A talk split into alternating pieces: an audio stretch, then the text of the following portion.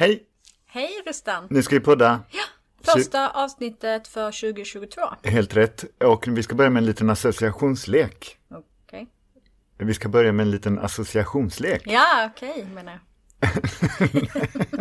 Avfallet är en podd som produceras av miljöföretaget Sysav. En lite smånördig miljöpodd för dig som gillar sopor. Eller ja, hur sopor hänger ihop med konsumtion, miljö och klimat och så. Avfallet, en riktigt sopig podd helt enkelt. När jag säger ko, vad tänker du på då? Mjölk. När jag säger periodiska systemets grupp 3? Ja, exakt. Det kan du inte mycket om va? Nej, det där är de sällsynta jordartsmetallerna. Eh, ligger i det periodiska systemet. Känner du till det? Nördigt, nej. Eh, Nördigt, ja. Terbium, dysprosium, eh, massa coola grejer. Skandium. Eh, Sånt som finns i elektronik. Jag känner direkt att jag blir så helt jätteosäker. Vet inte vad jag ska säga. Jag vet liksom inte vad jag ska svara när du säger sånt. Nej, precis. För varken du eller jag är ju jättetekniknördiga. Eller? Nej, Fast jag tror nog att du är ganska intresserad av det. Inte särskilt. Men du gillar ju glo på din elektronik ganska mycket. Absolut. Du är ju smått Instagram-beroende. Ja, absolut. Ja. Det ska vi inte prata så mycket om. Nej, men vad ska vi prata om då? Eh, Jag tänkte börja med att berätta att nu är mitt köpstopp över. Ah, det Ah. som har varit på vad då för något? Eh, alltså kläder, skor och grejer till mig själv. Mm. Eh, jag, har inte, jag har inte köpt någonting sådant under 2021. Eh, förutom faktiskt ett par träningsbyxor för att mina gick sönder. Okej, Mm. då har det gått att ha ett köpstopp. Det har gått jättebra. Det är klart att jag har tänkt på så här, bara, Åh, den var ju fin, den hade jag velat köpa och så. Men överlag har det gått jättebra. Men en reflektion från att jag nu, när, för när jag fick börja handla, för det var från liksom mellandagarna till mellandagarna. Det var så mitt köpstopp var under året. Och när jag fick börja handla, jag fick och fick, av mig själv. Så gick jag runt i butiker och bara blev så sjukt uttråkad. För att? Ja men att jag bara gick och bara såhär, vad gör jag här? Ska jag pröva de här jeansen? Okej, ja de satt ju ganska fint här, vad ska jag göra med det? Alltså jag kände sån meningslöshet. Speciellt att gå i butiker, då gick jag runt inne på Lens var det. Att gå runt i butiker och bara titta på de här mängderna kläder. Det känns helt meningslöst för mig nu. Så du hade helt enkelt liksom kommit bort från eh, hela shoppinggrejen, liksom att du inte förstod längre tjusningen med det? Inte den, eh, den shoppingen förstår jag inte alls tjusningen kring. Sen så handlar ju jag second hand genom nätet. Och det, alltså från privatperson. Men fick du göra det när du hade köpstopp? Nej, Nej? men Så- det har jag fått göra nu och har redan gjort. Okej. Klass. Ja, ja, men overall så har det helt enkelt gått bra att inte köpa massa Det har grejer. gått jättebra. Och eh, det blir jättetydligt att kvalitet blir så jädra mycket viktigare då. Alltså att de grejerna som jag använder mest, det är från vissa slags märken. De håller sig hur fina som helst trots att jag tvättar dem jätteofta. Och då Okej, är Så du har börjat uppskatta de grejerna du hade som var av bra kvalitet, Ja, för de kunde nu- du faktiskt använda? Ja, och nu vet jag så här, okej, det är faktiskt de märkena som jag kommer hålla mig till. Okej. Som är lite dyrare också. Men ifall jag får hoppa tillbaka till periodiska systemets grupp 3 med sällsynta jordartsmetaller. Det är ju faktiskt Mm. Ja. någonting som du har gillat att gå och köpa lite spontant från Pressbyrån. Kan inte du, kan inte du berätta det för, för, du, Ja. för lyssnarna? För mig har du berättat det, jag tyckte det var rätt skoj. Mm. Vad är det du kallar Pressbyrån? Jag kallar Pressbyrån och 7-Eleven Mm. för min korv och elektronikbutik.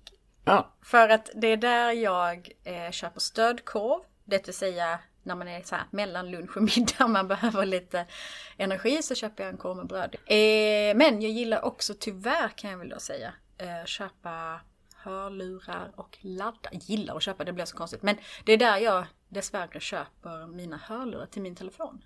och det gör du ofta eller vadå? Ja, för att de går ju sönder ganska ofta. Jag är inte jätte, ska jag säga, jag är lite slarvig med den sortens prylar.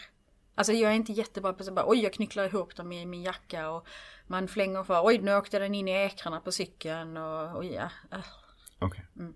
Och det är just sådana här produkter vi ska snacka om idag ju. Ja, För vi ska snacka elektronik i det här Elektronik, avsnittet. precis. El och elektronik. Mm, och vi har med oss två gäster. Mm, Vilka? Vi. vi har Mårten Sundin från, Elkretsen. Och vi har Sebastian Holmström. från Inrego. Mm. Som vi ska snacka med där. Vi ska snacka återvinning och vi ska snacka återbruk av el och elektronik. Ja, Hörlurar som du köper på eh, min Pressbyrån. korv och elektronikbutik. Ja. Ja, jag måste erkänna någonting. Jag måste faktiskt använda vår poddstudio som ett biktbås idag. Mm. Kommer du ihåg att vi gjorde ett program i samband med Circular Monday? Det som för, föranleder Black Friday. Mm. Ja, som ska vara alternativet till Black Friday. Det vill säga att vi ska köpa cirkulärt och återbrukat och reparerat istället för att köpa nytt Mm. på Black Friday som är ju inte så jättehimla bra för man springer och köper grejer man inte ens behöver. Och vi gjorde ett program om det och vi har pratat jättemycket om det och vi har liksom kampanjer precis som säger nej till onödig grej och vi uppmuntrar till köpstopp och tänka över sin konsumtion. Vi pratar ganska mycket skit om Black Friday. Ja, och så gick jag och handlade på Black Friday. Just hörlurar, trådlösa. Jo, därför att jag är en är svag, jag är en sån svag människa. Ja, jag vet, och det här är ju så typiskt för att jag kollade, fick ett sms, eh, inte för så länge sedan, som jag tänkte läsa upp för dig. Och som jag tycker är, är precis liksom vad, hur, det här, hur det här funkar. Så här låter smset jag har fått. Fick du inte allt du önskade dig? Fynda dina egna presenter till lagerpriser i mellandagarna. Sen har jag fått ett till här nu. Sista chansen, mellandagspriser på världens bästa hemelektronik fram till söndag. Och Black Friday fick jag ju sista chansen, svarta lagerpriser fram till midnatt. Köp här. Black Friday, lagerpriser på det nya svarta. Alltså jag bombarderas med den här reklamen och jag måste erkänna att jag är jättesvag för just eh, elektronikprylar som hörlurar och sånt. Jag blir liksom lycklig av att köpa det och jag Jag tycker... kan, får jag också bara berätta här för lyssnarna att när vi skulle köpa vår mikrofon till poddstudion då. Då sa också rösten när vi gick där inne i butiken. "Nej, jag ska bara gå och kika lite på det andra som finns här också. Ja. Eh, vi släpper det, men vi ska inte släppa elektronikfrågan. Nej. Varför ska vi prata om elektronik och elavfall då? Elektronik och avfall kopplat till det är ju någonting vi alltid pratar om på våra föreläsningar. Men kopplat till uppströms. För att vi brukar vilja ha något exempel och något exempel som ligger nära människor. Och då är ju mobilen eller smartphone ett väldigt bra exempel. För att det är någonting som är, det är svårt att leva utan eh, idag. Och det är någonting som vi vill ha och det är någonting som vi är beroende av utav liksom flera anledningar. Och därför är det ett bra exempel att ta upp att säga, okej det här är elektronik vi behöver. Men behöver vi ny sådan hela tiden? Och vad har den här telefonen gett upphov till innan jag fick den i min hand eller innan den kom till butiken? I form av avfall då. Precis, och även hur, vilka resurser det kräver för att tillverka den. Ja. Inte bara hur mycket avfall som uppstår när man tillverkar den, för det blir jättemycket. Vi har de här klassiska exemplen på 1,2 ton per laptop och 86 kilo per mobiltelefon. Men faktum är ju att de här sällsynta jordartsmetallerna som du numera vet är grupp, vilken då inom det periodiska systemet? Grupp Tre. Tack. De här sällsynta jordartsmetallerna till exempel som bryts många gånger i Kina är eh, många gånger väldigt farliga att bryta, det förgiftar grundvatten. Vi har ju andra metaller som till exempel kobolt och mineraler koltan som bryts i Kongo. Kongo, där, man, där det pågår liksom ett lågintensivt krig mellan massa milisgrupper som har dödat miljoner människor på, som försöker ha kontroll över de här sällsynta tillgångarna som vi alla behöver. Jag tror att i Demokratiska republiken Kongo så bryts 56 procent utav allt, eh, allt koltan som behövs eh, i, i världen idag kommer därifrån. Och det är ju fruktansvärda arbetsförhållanden. Men ingenting jag tänker på när det plingar till i min mobiltelefon och säger kom och köp sista chansen. Sista chansen Rustan, världens bästa elektronikrea. Och så försvinner all den här kunskapen i mitt huvud. Det enda som tindrar framför mina ögon är de här ljuvliga hörlurarna som ska göra att jag kan sticka till. Springa snabbare och lyfta tyngre. Ja, mitt liv kommer bli så mycket bättre. När, det, när vi pratar elektronik, då tycker jag att det är bra redan nu att vi, vi återigen, vi kommer prata från det från två perspektiv. Det ena är återvinning av elektronik och då kommer vi alltså få höra från elkretsen som är ju då in, inom det som kallas producentansvaret, de som ansvarar då för att, att eh, elektronik och el ska bli återvunnet. Elkretsen är nationellt insamlingssystem för elavfall och batterier. Precis. Och när vi pratar producentansvar, kan vi inte bara göra en pling faktaruta om vad är producentansvaret? Jo, den kommer här.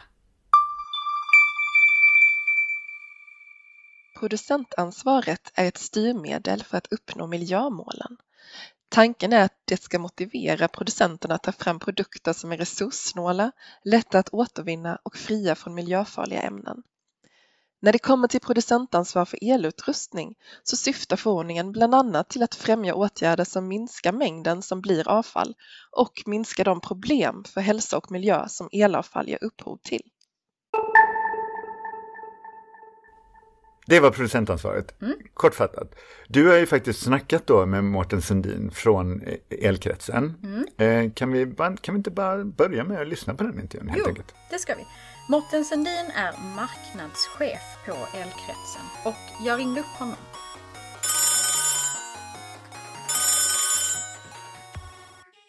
Mårten?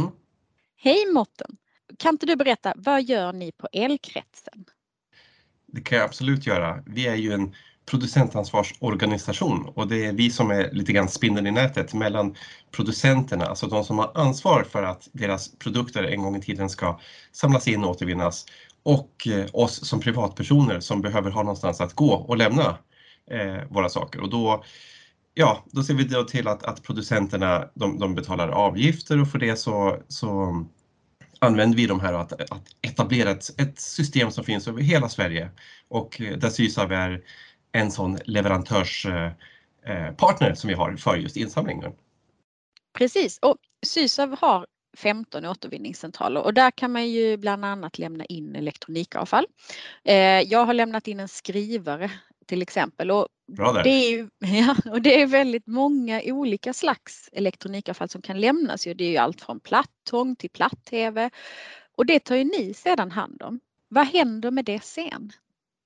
Ja, det är ju lite olika beroende på vad det är för någonting. Den största, vi kallar det, delar in det där i olika fraktioner och den största det kallar vi för diverse elektronik och det är just, ja, det är alltifrån tv-apparater och, och eh, mikrougnar till hårtorkar och, och små prylar egentligen. Det är den största fraktionen. Eh, där det är mer manuellt arbete än vad man tror egentligen med det här. Det samlas in, transporteras iväg till det som vi kallar för förbehandling och det är att man ska titta på produkterna och se eh, var, hur de ser ut, vad de innehåller, om det är något miljöfarligt och så vidare för att skruva isär, ta bort alla batterier, eh, ta bort andra eh, ja, miljöfarliga saker som ska hanteras separat. Och samma sätt att man tar ut andra mera värdefulla saker då, som till exempel kretskort och sånt. Och sen därefter, då åker det som är kvar av produkterna, då, då åker det vidare till en kvarn och eh, mals ner och sen så kan man fortsätta att vidareförädla processen och få ut så rena materialfraktioner som möjligt. För ju renare material desto, eh, desto, ja, desto lättare är det att göra något vettigt utav det i slutändan. Och görs detta i Sverige eller var, var tar detta vägen? Ja, det gör det. Den här förbehandlingen den, den, sker här, här i Sverige på olika platser och då är det lite olika beroende på vad det är för, för material. Mm. Eh, så, så att för vissa vissa typer av produkter och material de kan hanteras lite var som helst på, eller på olika typer av anläggningar medan andra är väldigt special. Då, så, ja, men om vi tar lampor till exempel. Mm. Eh, man kan tro att det är stora volymer men, men eh, det, det, finns bara ett ställe som kan ta hand om det i Sverige så då kör vi det dit. Okej. Okay. Och hur mycket är det som återvinns idag av det som lämnas in? Alltså, jag förstår ju också att allting kanske inte går att återvinnas. Men hur mycket är det som faktiskt blir till nytt material? Ja, eh, det beror också lite på då vilken kategori vad det är för slags produkter. Mm. Eh, men sådär i grova slängar kan man väl säga drygt 70 procent eh, blir till nytt material igen. Mm. Och 30 procent? Ja, eh, sen så ja, knappt 30 procent kanske går på, eh, förlåt inte kanske, utan ungefär 30 procent går på energi. Eh, mm. och det är ju bra då i ett land som Sverige där det behövs eh, värme. Eh, mm. Så då, då, kan vi använda det till fjärrvärme istället. Och då energiåtervinns det också i Sverige? Ja, det gör det. Mm. För det är ju någonting som ehm, som ganska många undrar över det här med att vi har hört att det finns elektronik som åker ner till länder i Afrika, Ghana till exempel eller eh, till Indien och så hamnar det på soptippar där. Finns det risk att svenskt elektronikavfall hamnar där och hur kan man undvika det? Ja exakt, alltså, det där är ju ett jättestort globalt problem och tittar man på världsstatistiken så ser man ju verkligen hur flödena går ner mot Afrika och Sydostasien. Och eh, många länder har ju lagstiftning kring det här men inte alla. E-, exempelvis USA har ingen lagstiftning som stödjer det. Så att, så att i många i många fall så är det ju ett fritt flöde rakt ner. Men eh, här i Sverige så är det ju väldigt styrt lagstiftningsmässigt att, att eh, är det avfall så, så ska det inte kunna åka den vägen. Och vi brukar säga att har det väl kommit in i vårt system eh, från till exempel Sysab till, till elkretsen, då, då kan man vara trygg och säker därför att då har vi så kontroll på flödena. Men problemet är ju oftast läckage tidigare än det då, om det sker eh, stölder från, ja, från verksamheter eller från eh, lager där det finns eh, avfall där man samlar på sig. Och sen har vi eh, Sverige ligger lite grann på ett hörn i, i världen och så att vi tror jag en aning mindre utsatta än andra mera centralt belägna länder i Europa. Mm. Eh, men det förekommer ju såklart ändå. Vi vet att det finns eh, ligor som jobbar med den här typen utav saker. Det här är ju farligt avfall och, och det, det, är vi som ska ta hand om det här för att det ska hanteras på rätt sätt. Eh, men ett eh, krux som vi ser det är ju när, när det inte är avfall som åker ut utan att man kör ut det som produkter, för det är nog det mm. vanliga. Man kallar det för begagnade, till exempel tv-apparater eller datorer eller mobiltelefoner. Och sen så är det nog i många fall lite osäkert om det verkligen är begagnade produkter eller om det faktiskt är avfall. Så, mm. så där finns det en gråzon. Eh, och går det att göra en sån gränsdragning då? För att om det är en produkt till exempel som är sönder men som kan lagas, då, räknas, då kan det ju räknas som avfall. Alltså ibland så är det ju lite svårt med, med vad är avfall egentligen och när är det en produkt som faktiskt kanske går att laga och användas igen. Exakt, det har du helt rätt i och, och det är ju eh, och det är ju upp till den som ska som står där med produkten i sin hand att bedöma det. Mm. Egentligen. Men måste alla om vi säger till exempel eh, Telenor eller Telia eller liknande butiker i Sverige, är de anslutna till elkretsen? Ja, det är de om de omfattas av producentansvaret, vilket eh, de är i de flesta fall. Eh, enda undantaget är ifall det är någon annan eh, eh distributör, alltså ett led innan dem som för in produkterna till Sverige. Eh, då är det den som har producentansvaret. Så okay. att lite, lite grovt brukar vi säga sådär importörer eller tillverkare, att det är de som omfattas. För det finns ju ofta insamlingsboxar på i de här butikerna, så här, lämna in din trasiga mobiltelefon. Eh, så om de inte är då anslutna till elkretsen så, så kan man inte garantera att, att det inte åker ner till soptippar i, i eh, Afrika Nej, men det kan man inte ändå därför att de kan vara anslutna till oss och de kan, man, de kan ändå samla in det de vill i sina butiker och göra vad de vill med det materialet så länge det är produkter, så länge det, det är fungerande eh, produkter som inte är avfall. Då, då får okay. de göra, och jag, jag, säger inte att det är dåligt heller utan eh, oftast så finns det ju en ehm, eh, om man tittar ur ett livscykelperspektiv så lönar det sig oftast att låta en produkt leva så länge som möjligt. Mm. Så, så det är ju verkligen bra. Det är bara det att, att med det så följer ett, ett krux och det är att vad som händer med produkten i slutändan när det är avfall. Egentligen. Mm. Hur tycker du att producentansvaret funkar? Jo, eh, det beror lite grann på från vilken vinkel man, man vänder och vrider på det där. Alltså, rent legalt så där kan man säga att, att vi fungerar eh, att det fungerar väldigt bra i Sverige, särskilt om du jämför med många andra länder. Vi, vi uppfattas och jämförs och ses ofta som ett föredöme när man tittar på andra länder och det, det, är många delegationer som kommer hit och undrar hur vi har gjort därför att man ser att man ser på statistiken att det fungerar bra och eh, det i sig tror jag beror mycket på att vi har haft tid på oss att bygga upp det här tillsammans ja, men med, med kommunerna runt om i Sverige.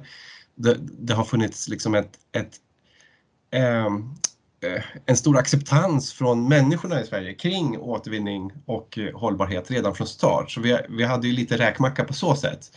Men sen har vi också byggt upp ett system som faktiskt är effektivt. Eh, också när vi tittar på eh, kostnader för vårt system jämfört med andra system så är vi väldigt eh, prisvärda. Eh, och, och, det där är ju också då ehm, speciellt med tanke på att vi har ganska lite konkurrens i Sverige. Eh, så jag skulle vilja säga att producentansvaret fungerar bra och det är ett exempel på en, ehm, på en, en, en tjänst eller en service som kanske inte alltid tjänar på att vara så, så himla konkurrensutsatt faktiskt. Eh, det kan låta lite marxistiskt och det är inte meningen. Utan det är mera pragmatiskt liksom, att, att, när man jämför med andra länder hur det funkar. För det vi ser i en del andra länder är att man har problem med till exempel med, med mera med freeriders, alltså att eh, de som inte tar sitt ansvar. Eh, och det är lättare att, att saker och ting hamnar mellan stolarna eh, när det är flera aktörer. Så det ställer större krav på myndigheterna som ska ha utöva tillsyn också. Så att det är ju såklart att det underlättar för oss här när vi har, eh, myndigheterna har inte så många aktörer och eh, vi är ganska liksom starka som aktör på det här och det är någonting som, eh, som är till för alla i hela Sverige. Och hade inte du kunnat berätta om värdet på elektronikavfallet? Finns det olika värde beroende på kanske vilken slags produkt det är och såklart så förstår jag vilka metaller som finns antagligen. Men vad finns det för värde på elektronikavfallet idag? Eh, ja men det är ju det är väldigt stort och det hänger mycket med världsmarknadspriserna på framförallt metaller men också på olja och plast spelar roll då om, om, om det finns något värde på sådana produkter, produkter som det är mycket plast i. Mm. Så att du nämnde i början till exempel att du slängde en skrivare. Mm. Eh. Och det är en typisk sån produkt som kanske inte är så, så värdefull om det är mycket plast i och man måste skruva i den. Det kanske sitter någon tonerkassett kvar i som, som ska behandlas på ett speciellt sätt. Det satt det kvar i, absolut. Ja, du ser. Så mm. en, en sån typ av produkt har ju då eh, mest kostnader i sig som vi behöver ta hand om här i Sverige. Så att det är såklart att om du kan köra iväg den någon annanstans där du inte tar ansvaret för att hantera till exempel tonerkassetten på rätt sätt, inte plasten på rätt sätt, då, då, kan du ju klippa massa kostnader samtidigt som du enbart tar hand om eh, de värdefulla metallerna som finns där i. Mm. Så att, eh, och, och, det är liksom så ja, marknadsekonomin inom brottsligheten fungerar kan man säga. man, man, man, klipper dåliga onödiga kostnader för dem eh, och tar vara på det som bara är ekonomiskt värde. Mm. Och till sist så tänkte jag också fråga dig, vad ser du för nödvändig åtgärd eller åtgärder för att branschen ska bli mer hållbar och cirkulär? Och då får du gärna tänka både utifrån individperspektiv, företagsperspektiv och politiskt perspektiv. Tack! Eh, gärna. Eh, det, här, det händer så himla mycket på det här området så det är otroligt spännande vad det forskas mycket till exempel på teknikutveckling kring, kring material och sånt. Och om vi börjar i den ändan så kan man säga att eh, våra produkter eh, är ju oftast inte eller de är ofta sammansatta av många olika material eh, och de är ofta sammansmälta och legeringar och, eh, och så vidare, vilket gör det svårt i slutändan när man ska bryta, ja men tänker om ni bakar en sockerkaka och sen ska få, få, få tillbaka sockret för sig och mjölet för sig. Det är inte så himla lätt. Och ändå så är det det vi för, som vi är satta att göra egentligen. Um, så att ju enklare och renare material, desto lättare för oss som är i slutändan av, av elprodukternas livscykel så kan vi ta hand om och göra något smart och bra utav det. Mm. Eh, det andra är den, den, politiska sfären, där är det ju såklart att, att man tänker harmoniserat över landsgränserna. Därför de som tillverkar våra elprodukter och batterier, de sitter inte i Sverige, inte så många av dem i alla fall, utan de flesta, de flesta sitter i andra länder. Så att regelverket och procedurerna för hur det här ska gå till, det, det behöver verkligen vara harmoniserat. För annars så, så blir det inte effektivt och, och, bra om man har en massa unika regler. Det, det är mer att det blir ihåligt då, att, man, att det, det triggar administration men inte verklig miljönytta. Eh, och det tredje, eh, det mm. individuella ansvaret. Då, då skulle jag säga att här, att låt oss komma ihåg det, att det är ett individuellt ansvar också. Att vi verkligen står, när man står där och byter batterierna på adventsljusstaken och man är trött på julen och allt sånt där. Var inte slö och släng dem i soporna eller någonting sånt utan se till att verkligen lämna det till återvinningen. För vi har byggt upp ett system som är till för att funka och som är till för oss som individer att göra det här bättre. Eh, och, och, och, då är det liksom upp till alla oss att, att steppa upp och göra det på, på ett bra sätt också, tycker jag. Vad bra. Stort tack för att du ville vara med i podden Mårten. Tack själv. Ha det bra. Hej då. Hej hej. Det var ju toppen förklarat utav Mårten måste jag säga. Jag lärde mig jättemycket av den här intervjun som vi nästan alltid gör när vi ringer upp folk. Tydligt förklarat. Eh, vad kände du när du snackade med Mårten? Jag tyckte att det var skönt att en marknadschef var så eh, öppen med både vad som går bra men vad som också faktiskt behövs förändras. Ja, och jag tyckte att det var bra han tydliggjorde de här skillnaderna mellan vad, vad, vad vill han se från politiken, vad vill han se från företagen själva eller företagen själva, men också oss konsumenter, vilket ansvar vi har. Jag tyckte det var intressant, en sak som inte kom med i intervjun, som vi snickersnackade med honom efter intervjun, det var ju det här också som du varit inne på med kvalitet när du hade ditt chefstopp. Ja. Att de ser ju tydligt att det som de får in som är utav lite mer exklusiva eh, märken som tillverkar saker utav lite högre kvalitet, kommer, de produkter som kommer in, de är äldre från de här märkena. Alltså de har levt ett längre liv än billigt eh, krimskrams på elektroniksidan. Det ser de tydligt. Och där kände jag mig direkt träffad eftersom jag ändå också då köper sämre elektronik i, på min korv och elektronikbutik. Och alltså jag har ju faktiskt tänkt tidigare så här, äh, jag borde köpa ett par bättre hörlurar. Som jag inte, alltså för att jag förbrukar i alla fall några stycken under ett år för att jag köper ju sådana kassa billiga. Och att det, det fick mig att lite sådär, okej, äh, okej, fan, jag får skärpa mig med det. Mårten var inne på det här att det funkar ju väldigt bra i Sverige. Men jag tycker också det var bra att ni kom in lite i samtalet på också att det Sverige är ett unikum på många sätt. Här funkar det ganska bra, eller till och med många gånger jättebra. Ja. Men så ser det tyvärr inte ut över hela världen. Och vi har ju, t- i, när vi började titta på att göra det här programmet om elektronik, kollade vi runt, gjorde massa research och vi har ju sett förfärande exempel på hur det ser ut i andra länder. Ja, sen läste jag också att på Sveriges Natur att elektronikskrot är efter droger och prostitution världens största illegala handelsvara. Ja, shit. För ja, det var ju en siffra jag såg från Interpol som var att eh, utav eh, det, allt el och elektronikavfall i Europa så hamnar 35 procent inom den illegala sektorn förr eller senare.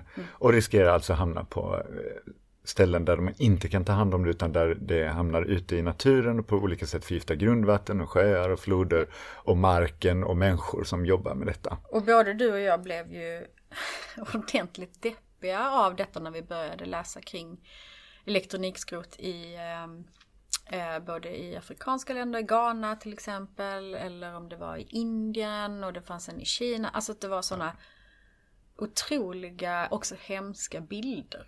Men faktum är ju att hur bra vi än är på att återvinna saker och ting eh, i Sverige på elektroniksidan så är det ju ändå så faktiskt också att vi, vi kan inte liksom bara nöjas med att vi ska återvinna till nya grejer som du sen springer och tappar bort och måste springa till korv och elektronikbutiken igen för att köpa nytt. Eh, utan vi måste ju faktiskt också se till att de lever ett längre liv och även ifall jag inte eh, kan använda min dator längre till exempel så kanske någon annan kan göra det eller den är duger att eh, Det kanske ska byggas om lite. Ja, eller bara liksom städas och sen är det någon annan som har ett behov av just den typen av prestanda. Alltså att återbruka el och elektronik. Och därför har vi nu snackat då också med hållbarhetschef Sebastian Holmström. Han är hållbarhetschef på Inrego och han har full koll på det här med återbrukade datorer, mobiltelefoner och annan elektronik. Hej Sebastian! Hej Sebastian, det här är Justan från podden Avfallet. Eh, hoppas jag inte stör. Nej då, inte alls. Jätteroligt att höra från dig Rustan. Detsamma. Vi snackar elektronik, eh, återvinning, återbruk. Det här är en soppa för oss. Ju mer vi googlat, ju mer vi läser, desto mer komplicerat blir det. Så att vi tänkte helt enkelt eh, fråga dig som expert på när det gäller återbruk av elektronik. För du jobbar ju som hållbarhetschef på Inrego, eller hur? Absolut, det gör jag. Eh, jätteroligt att prata återbruk av elektronik. Och eh, det vi på Inrego gör är helt enkelt att köpa in använd elektronik, fixa upp dem och sälja vidare dem sen igen. Och eh, ni pratade återbruk tidigare här på podden. Och som ni var inne på då så, blandar man ihop återbruk och återvinning till en stor del idag. Och återvinning är jätteviktigt, men i den cirkulära ekonomin så är återvinningen den sista utvägen. Eller hur? Basta som vi brukar säga när vi vill slå fast någonting. Exakt. Eh, berätta lite mer, vad gör Inrego rent konkret? Hur funkar er affärsmodell? Ja, så vi, vi grundades inte långt ifrån där ni sitter nu. Vi grundades i Lund för 25 år sedan. Eh, där vi började med att vi köpte in elektronik från företag och vi sålde vidare dem till studenter efter vi hade dataraderat och fixat upp dem. Och på den vägen var det. Och eh, idag är vi Nordens ledande IT-återvändare. Och vår affärsmodell går ut på samma sätt där vi köper in använd elektronik från företag, organisationer, kommuner. Vi dataraderar, vi fixar upp dem, vi säljer vidare dem sen igen med garanti. Men mer och mer mot företag och eh, inte studenter då längre. Men grunden i vår affärsmodell är återbruk och återanvändning. Och förra året återanvände vi 350 000 IT-produkter och vi har en återanvändningsgrad på omkring 92 procent av allt som kom in. Så ofta pratar man återbruk, eh, så någonting teoretiskt, men det går att få till i praktiken och i stor skala. Just det. Men när du säger då att 92, så 92 procent kommer ut igen, liksom, som ni lyckas sätta ut marknaden igen. Är det för att ni är väldigt picky i vad ni tar in eller är det helt enkelt en eh, berättar om hur hög kvalitet det faktiskt är på saker och ting som eh, företag och organisationer utan någon anledning inte längre vill använda? Det är både och där. Eh, men vi säger alltid till företag, skicka all er elektronik till oss. För vi är bättre på att avgöra om det kan återbrukas än vad de är. För det är vi som är experterna. Så ni säger inte nej, liksom, ifall ni etablerar ett avtal med, med låt oss säga SISAB så kan vi skicka allt vårt till er? Absolut, absolut. Och det är ofta så, så det är. Och sen är det bara dåliga saker, då är det bättre om man skickar dem till en återvinnare direkt istället för oss, för annars blir vi bara mellanhand. Men vi hade ett företag för ett tag sedan som trodde att de bara hade saker som skulle återvinnas. Men vi kunde betala dem ett par hundratusen kronor för den använda elektroniken som de såg som avfall. Så vad är synen på avfall? Det är någonting som jag tycker vi måste lyfta, för det som är avfall för någon är resurs för någon annan. Just det. Och att då kanske krävs en expert som Inrego att avgöra vad som är vad, eller? Exakt, så därför vill vi ha in allting. Men vi har också en modell där vi betalar för elektroniken och det vi säljer vidare den för. Men vi tar betalt för transporterna, vi tar betalt för dataradering. Så vi har kostnader inbyggd i vår modell. Så det betyder att om man bara har saker som går till återvinning, då är det inte lönsamt att jobba på det sättet. Utan man måste behandla det som en resurs och se till att det återbrukas. Sen har man en större mängd elektronik så är det plusaffär. Och eh, det är fördelen med återbruk av eh, elektronik över andra produktgrupper, att elektroniken har ett högt värde. Och du var inne lite på kvaliteten, att det finns en hög kvalitet i elektroniken som möjliggör återbruket och att vi faktiskt kan sälja vidare den här sen med garanti på andrahandsmarknaden. Vad bra! Så nu har vi slagit fast att det finns en bra affär att göra det här. Det, det, det funkar för er. Ni har växt jättemycket. Det går jättebra. Ni, ni fortsätter växa antar jag. Och ni har kommit en lång väg. Nu har vi pratat den ekonomiska biten. Vad är egentligen miljö och klimatnyttan nu med att vi ska hålla på att återbruka? Kan du gå in lite på det? Vad, vad, vad är det för faktiska vinster vi gör när vi återbrukar IT-produkter? Om vi börjar med problemet då. Och eh, problemet är, om vi kollar på en, en bärbar dator, så kommer 80 av utsläppen ifrån produktionen. 13 av utsläppen från användningen, ungefär eh, 6-7 från transporter och 0,2 från återvinningen. Så där ser vi ju att produktionen är den stora boven. Mm. Och, och vad är det i produktionen som orsakar den största, största påverkan där? Är det gruvnäringen för metallerna eller vad är det? Ja, det är gruvnäringen, det är produktionen, det är en enorm resursintensiv process som krävs för att få fram den här telefonen på 200 gram eller datorn på 2-3 kilo. Så Avfallssverige brukar också prata om det osynliga avfallet. Att till exempel för en bärbar dator krävs det 1200 kilo avfall för att ta fram den datorn. Och för en mobil, som lyssnarna lyssnar på nu förmodligen, så kommer det 86 kilo avfall ifrån den där lilla telefonen på omkring 200 gram. Så det är mer som går in i produktionen än vad vi ser. Det osynliga avfallet som faktiskt sker uppströms i produktionen. Och det slipper vi då ifall vi återbrukar det här. Hur mycket blir avfall från er produktion? Alltså hur mycket är spillet så att säga, svinnet? För det som går då till återvinning, det är 8% blir det alltså? Ja, vi jobbar konstant med att minska eh, den delen också som går till återvinning. Och jag ska säga av eh, 92% återbrukas, men av resterande 8 så tar vi ut reservdelar för att laga resterande produkter. Så vi jobbar konstant med att minska den delen. För de där 8 procenten, det är ju en potentiell både minskad klimatbelastning men också intäkter eh, som både för oss och för våra kunder. Så på många reservdelar är vi självförsörjande för att vi får in dem från våra använda produkter. Sen är det andra reservdelar som vi behöver köpa in för att kunna reparera de här produkterna. Okej, jag fattar. Ehm, Återgå till det här, if vi pratar uppströmsavfallet på en laptop på 1,2 ton. Har, har ni siffror på hur mycket koldioxid man sparar eller koldioxidekvivalent utsläpp det sparas med att köpa en återbrukad dator från er istället för att köpa en ny? Finns det mm. siffror på det också? Det finns det och vi gjorde en studie tillsammans med IVL, Svenska miljöinstitutet, för ungefär ett och ett halvt år sedan där vi just kollade på det här klimatnyttan av återbruk över att köpa nytt och vilken besparing man gör då. Eh, mm. Och eh, då såg vi till exempel att man för en laptop besparar ungefär 280 kilo eh, koldioxidekvivalenter, för mobiler 55 och en skärm 520. Så det är väldigt stora besparingar som görs. Och det här är någonting som vi också rapporterar till både de som köper och de som säljer till oss för att bli en del av deras klimatarbete. Eh, och IVL har en jättebra metod för att göra det på och eh, hela den här studien finns gratis att använda sig av för att implementera den i sin egen affär också. Utav det som nu då går vidare som, eh, till återvinning som du säger, vem lämnar ni det till? Är det in till elkretsen då som det går? Vi jobbar med Kusikowski som också är en del av elkretsen.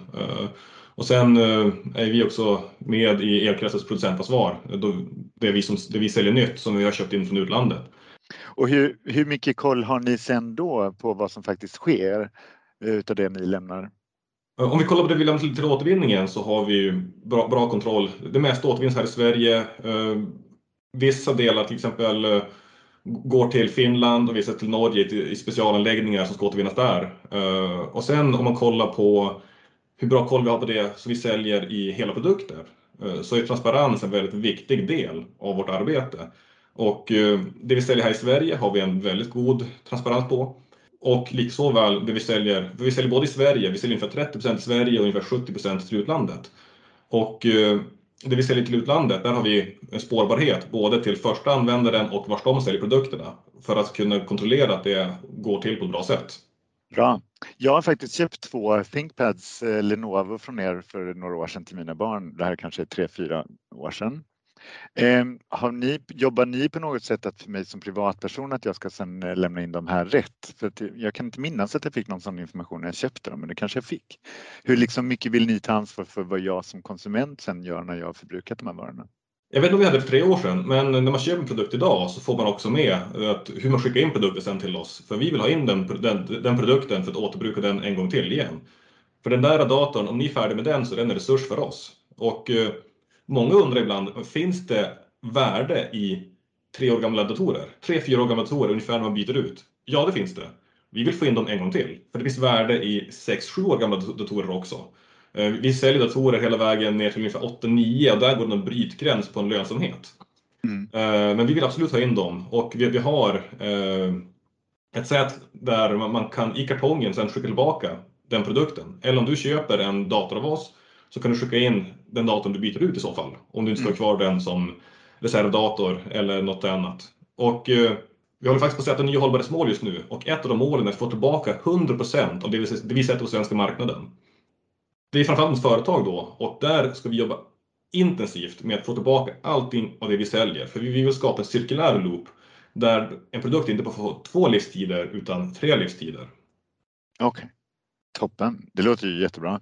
Eh, det här låter nästan lite för bra för att vara sant. Därför när jag och Ann nu gjorde research inför det här avsnittet så kom vi på, eller sprang vi på en ganska förfärande siffra från Interpol som pekar på att ungefär 35 procent av det elavfall som sätts på den europeiska marknaden hamnar eh, inom den illegala sektorn förr eller senare på något sätt och många gånger riskerar att sluta på en soptipp någonstans i Afrika, till exempel i Indien. Hur, hur säker känner du dig på att din rego inte på något sätt är med, att grejer som ni en gång har tagit ansvar för eller satt ut på marknaden hamnar i de här illegala flödena? Mm. Det är en jätteviktig fråga och uh, den där hanteringen är ju inte bra på något sätt. Uh, och eh, vi sätter flera saker i plats för att se till att det vi säljer inte ska hanteras som avfall. Och, och det där gäller ju framförallt till exempel när vi säljer utomlands så sätter vi gränser på men vilket värde kan produkten ha? Och under det värdet säljer inte vi produkter utomlands. Och lägger man till det värdet plus till exempel eh, transportkostnaderna så vore det rent av dumt att köpa in dem för att hantera det på ett annat sätt än att använda dem ytterligare igen för två, tre år till. Så vi sätter till många sådana saker. Sen har vi ett program för ansvarsfull hantering eh, där vi inte säljer till vissa länder och vi kravställer att de vi säljer till inte säljer vidare dem till de här länderna där vi vet att eh, elektroniken hanteras på ett dåligt sätt. Just det. Toppen. Därför att det är ju den här definitionen av vad som är avfall och vad som är fortfarande en användbar produkt som mm. möjliggör att det hamnar i länder där det inte borde hamna därför att det inte kan tas om hand om på rätt sätt sen. Även ifall det har en kort livstid i de här länderna. Ehm, så vad bra, det tycker jag var mm. fantastiskt smart av er att ja. ändå sätta någon slags ribba för vad som är mm. användbart och har ett värde. Ja. Och där har vi tagit en ställning också i att vi återvinner dem hellre i Sverige än att sälja produkter med kort livstid till andra länder. Så allting vi säljer vidare ska ha en lång livstid kvar. Just det. Och det där måste ju också samtidigt vara en svår brytpunkt därför att man tänker att du och jag vet ju att det är bra att vi använder grejerna så länge som möjligt men de ska användas på ett ställe där de sen kan hanteras korrekt mm. för att mm. annars har man förlorat vinsten. Är det det du säger? Liksom? Alltså den miljö och klimatmässiga vinsten. Ja. Mm. Okej, okay, intressant för att den här Eh, nästan paradoxen kan vi ju se på andra områden idag. Till exempel nu har vi byggt Ziptex, den här anläggningen som gör att vi kan sortera kläder. Men de här kläderna vi får in nu kanske hade kunnat gå att säljas på en sämre andrahandsmarknad mm. Eh, men där de då riskerar att hamna på en soptipp ganska mm. snart. Mm. Ska vi då ta de här till återvinning och förhindra återanvändning för att vi vet att de i sin tur kommer att hamna på en soptipp? Det där, mm. det där kommer vara en svår nöt att knäcka tror jag för många. Ja, det är, det är en jättekomplicerad puck att, mm. knäcka. Um, vi har ju fördel att vi jobbar mycket med högvärdesprodukter och med lågvärdesprodukter blir det en ännu svårare Eh, fråga att kolla på. Men, men det, är, det, är något man måste tänka på och klimatnyttan versus risken och mm. att eh, vägar mot varandra. Och å andra sidan, till exempel vi jobbar en del med, eh, vi säljer nästan vidare allting i Europa, men vi jobbar också med vissa företag utanför Europa och till exempel eh, jobbar med ett företag i Burundi som tillsammans med regeringen där tillgodoser elektronik till skolor eh, i Burundi. Och vilket värde ger det? att möjliggöra elektronik till ett pris som de inte haft råd med annars. Och så det är mycket saker att väga in här i ekvationen. Just det. Och i ett sånt då avtal ni fattar med Burundi, försöker ni på något sätt då garantera att ni också kan få tillbaka produkterna så att de inte hamnar på en tipp där nere? Det blir, det blir alldeles för svårt att, att göra mm. det. Uh, så det, det, kan vi inte göra. Det gör vi i Sverige till stor del. Okay. Men när vi säljer dem till Burundi då, då, då har vi ett avtal som de behöver skriva på angående hur man hanterar produkterna och hur de ska hanteras efteråt. Och ja. eh, eh vissa länder som sagt som de aldrig får hamna i ens. Just det. Eh, toppen. Eh, till sist, ifall du nu ska bli, få bli lite visionär, för att det här med IT och eh, digitalisering är ju enorma möjligheter för mänskligheten också. Det är någonting vi kommer fortsätta att göra och utveckla. Eh, ifall vi ska lyckas med detta kombinerat med att bli mer hållbara, Eh, ifall du ska nu eh, drömma lite, hur ser en sån framtid ut för dig? Jag tycker det var något väldigt intressant ni pratade om i förra avsnittet kring återbruk. Just kring att normalisera, rekonditionerat, begagnat och, eh, och hela de delarna. Hur ska vi nå det? Eh, jo, vi måste ju börja se till funktionen på produkten. Digitaliseringen har enorma möjligheter. Men har man mindre möjligheter på en tre år gammal dator än en ny dator. Och vi måste börja tänka om på riktigt. Och eh, till en stor del idag så är ett, eh, kan ett hållbarhetsarbete vara att man lämnar till exempel sina kläder för återbruk medan man är på väg att köpa nya kläder. Och likadant med elektronik. Så vi måste knyta cirkeln på riktigt och knyta den här i Sverige. Och det är något vi jobbar väldigt mycket med, just med den här efterfrågan av begagnat i Sverige. Och rekonditionerat, att faktiskt öka den egna konsumtionen av rekonditionerat. Och hur får vi till det, tror du? Är det liksom att jobba med värderingar och normer kring, eh, kring vår konsumtion eller är det helt enkelt att ha lite helt enkelt striktare eh, krav på, eh, låt oss säga, att en, en, marknad också ska ha en del, en procent utav återbruk i sin affärsmodell mm. för att de ska finnas på marknaden överhuvudtaget. Vilken är den effektivaste vägen att gå? Jag tror en kombinerad väg där och såklart så är det normer och det, det, det handlar liksom om kravställningar. Framförallt offentliga har ju möjlighet att gå före eh, genom offentlig upphandling. Men eh, för vår del så ser jag det som att det vi måste göra är att erbjuda så bra produkter och tjänster så vi utkonkurrerar det linjära. Vi ska vara billigare, vi ska vara tryggare och det ska vara enklare att handla av oss än att handla nytt. Det vi vill konkurrera med, det är nytt, inte annat rekonditionerat. Du, stort tack för att du ville vara med på podden Sebastian. Tack själv Rustan. Ha det så bra. Ha det fint. Hej hej. Jag blir ändå glad att det är fler och fler företag som arbetar på detta sättet. Vi har ju Inrego, vi har också Godsinlösen, det finns Swappy och Swappy är ju ett företag som har riktat sig till mer ungdomar när det kommer till återbrukade mobiler. Absolut, och de använder inte riktigt hållbarhetsargumentet utan det är bara Nej. liksom lite vanlig konsumtion fast den är faktiskt mer hållbar än nyproduktion. Exakt, och jag hade en gymnasieklass här för ett tag sedan där eh, jag tog det som exempel och då skulle jag också kolla så här om lärarna visste vad det var. De hade ingen aning. Och det här är så tydligt hur de verkligen har riktat sig för hela klassen. Bara, ja, ja, det är klart jag har köpt min på Swappy och det var liksom det mest självklara för dem. Det är jätteskönt att höra att det är självklart och normaliserat som Ja. vi brukar prata om. Att vi måste eh, få till sån här konsumtion. Mm. Att den ska vara liksom lika vanlig som all annan konsumtion. Jag vet ju inte ifall alla är helt eh, liksom, insatta i frågan om vilka mängder vi snackar om när vi pratar om elektronik. Nej. Och det här tycker jag är väldigt intressant när man läser statistiken. att vi mäter ju avfall ofta i ton ju, eller Ja. nästan alltid i ton. Och det är ett litet problem med elektroniken därför att den har blivit lättare och smartare. Jag menar min mobiltelefon idag den ersätter ju en tv och en, många, en laptop och en stereo och massa andra grejer. Och väger mycket mindre än det. Men nu gick, vände siffrorna upp 2019 lite så att vi samlade faktiskt in, per, per svensk tror jag det slängdes 14,3 kilo elektronik till återvinning eh, för 2019. Och det var en uppgång för första gången på länge för det har liksom sjunkit de här siffrorna på grund av att elektronik blivit lättare. Men då pratar man ju ofta om att det är någonting positivt att vi samlar in mer och mer eller sorterar ut mer och mer. Ja. Alltså insamlingen pratas om någonting positivt. Och det kan ju vara positivt också att det inte hamnar i restavfallet till exempel.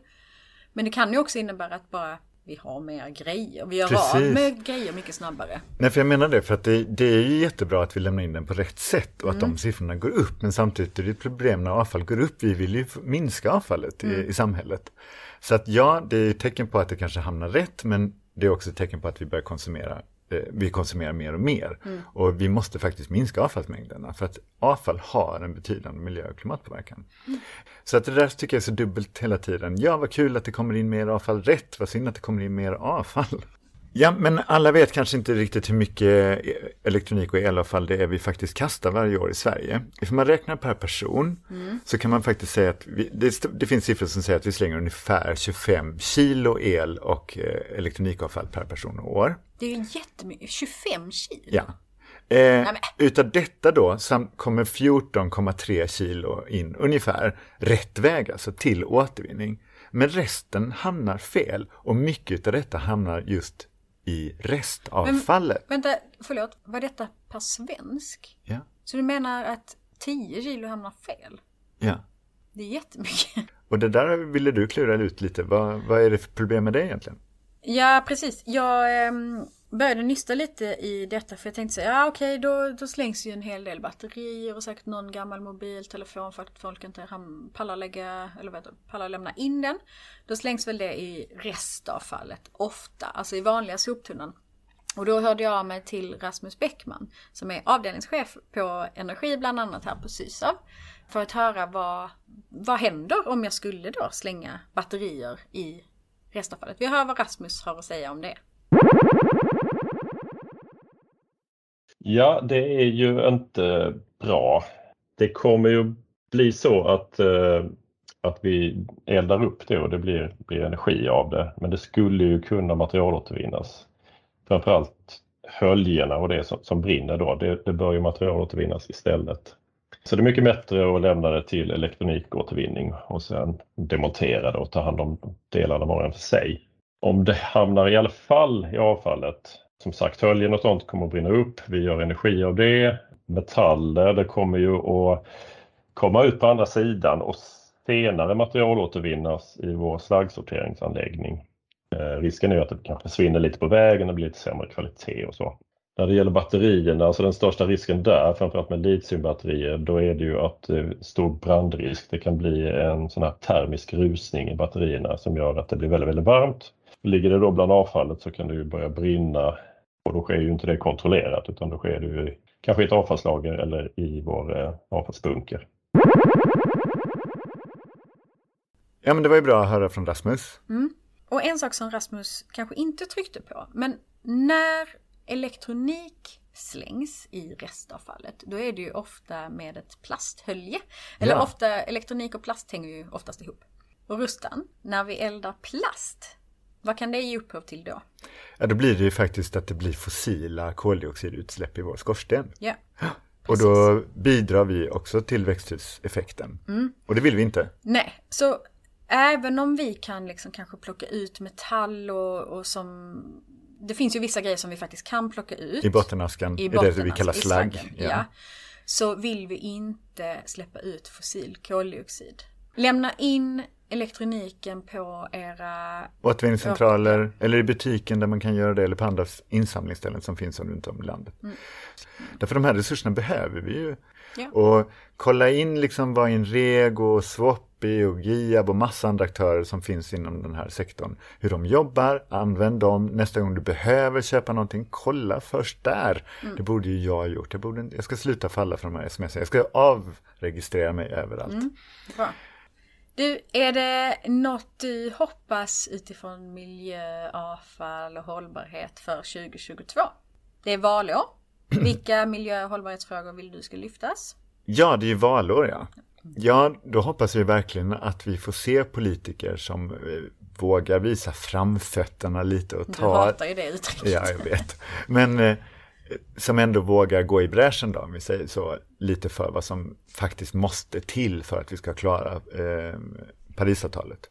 Vi kan inte låtsas som att eh, det där är någon annans problem, utan det är det krävs, kräver bra politik och jag hoppas verkligen att eh, vi får se politiker som tävlar om att ha den bästa klimatpolitiken till exempel. Jag Det är hoppas kanske lite svårt när det fortfarande är mitt i pandemin hur man ska också rikta fokus till en annan stor kris.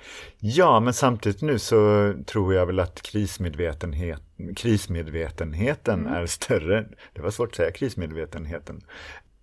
Jag tror att den är större nu och jag tror också att det kanske är en väldigt bra tid att, att ta upp de st- stora svåra frågorna nu när vi faktiskt också håller på att hantera en sån här stor svår fråga.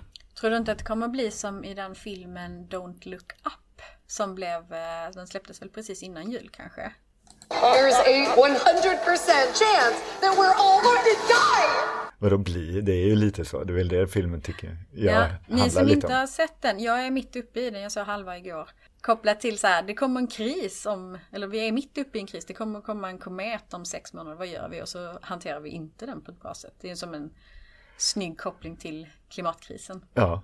ja, men ska vi runda av det här då? Första avsnittet för 2022. Woop woop. Ja, känner du dig nöjd? Jag känner mig jättenöjd.